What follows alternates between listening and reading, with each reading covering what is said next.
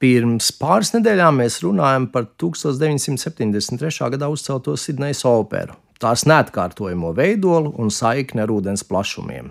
Līdz atnāca 2008. gads, un pasaules arhitektūras presa rakstīja, ir dzimusi operas ēka, kas savā skaistumā izaicina Sidnejas operu. Arī pie ūdens, arī ilgi gaidīta, majestātiska, balta akmens un stikla skulptūra - Oslo opera.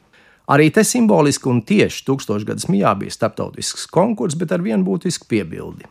Konkursā neuzvarēja kāds nepazīstams ārzemnieks no karalistes aiz trījām jūrām, bet Norvēģijas slavenākais birojs Snoheta. Tie paši, kuri projektēja slaveno Aleksandrijas biblioteku, un jūs jau zinājāt, ka tikai divu biblioteku būvniecību jaunlaiku vēsturē tieši ir atbalstījusi UNESCO organizācija - mūsu Nacionālās bibliotekas un Aleksandrijas bibliotekas būvniecību.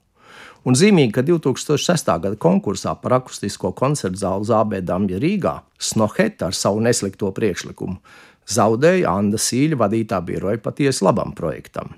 Pasaule ir liela un mazreizē. Mēs visi esam kādā veidā saistīti. Norvēģijā opera pazīst tikai pāris gadsimtu, un skaidrs, ka uz fjordu zemi Norvēģija opera ir simboliski atceļojusi no tālās Itālijas.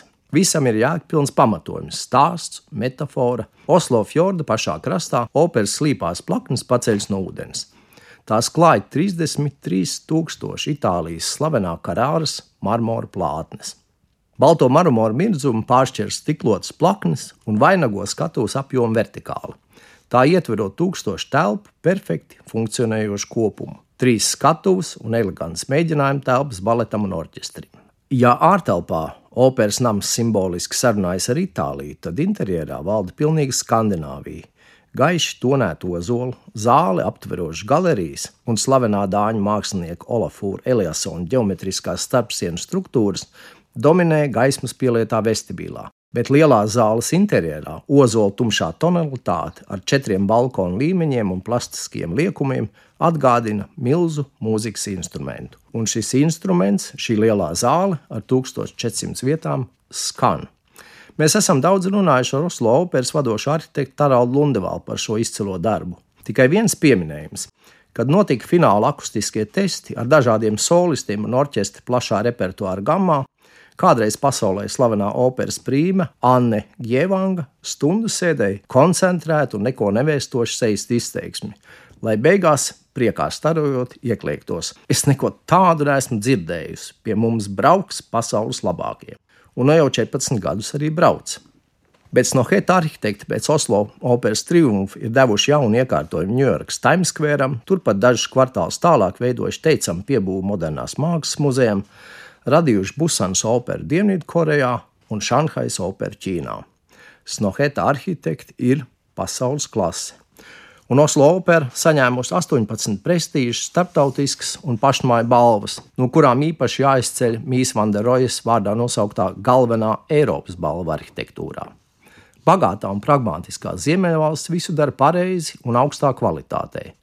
Blakus Oslo operas namam nesen uzcelts portugāļu arhitekta projektētais Munka muzejs un demokrātiska Oslo pilsētas biblioteka. Viena fjorda līkuma tālāk Renzo Piano projektētais Modernās mākslas muzejs un tikko atklātais vācu arhitekta projektētais Nacionālais muzejs. Tas viss pēdējos 15 gados. Un vēl kāds īpašs pastāsts. Jūs jau zināt, ka pa Oslo operas nama jumtu slīpajām un horizontālajām marmora klātajām plaknēm var staigāt.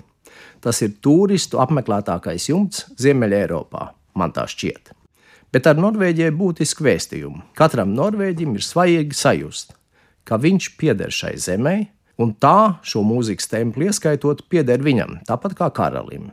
Viņš var stāvēt uz šī nama jumta, kad trīs ziemeļvalstu karaļi pāri klausās atklāšanas koncertu un fiziski sajust. Tas ir arī mans nams, mana opera.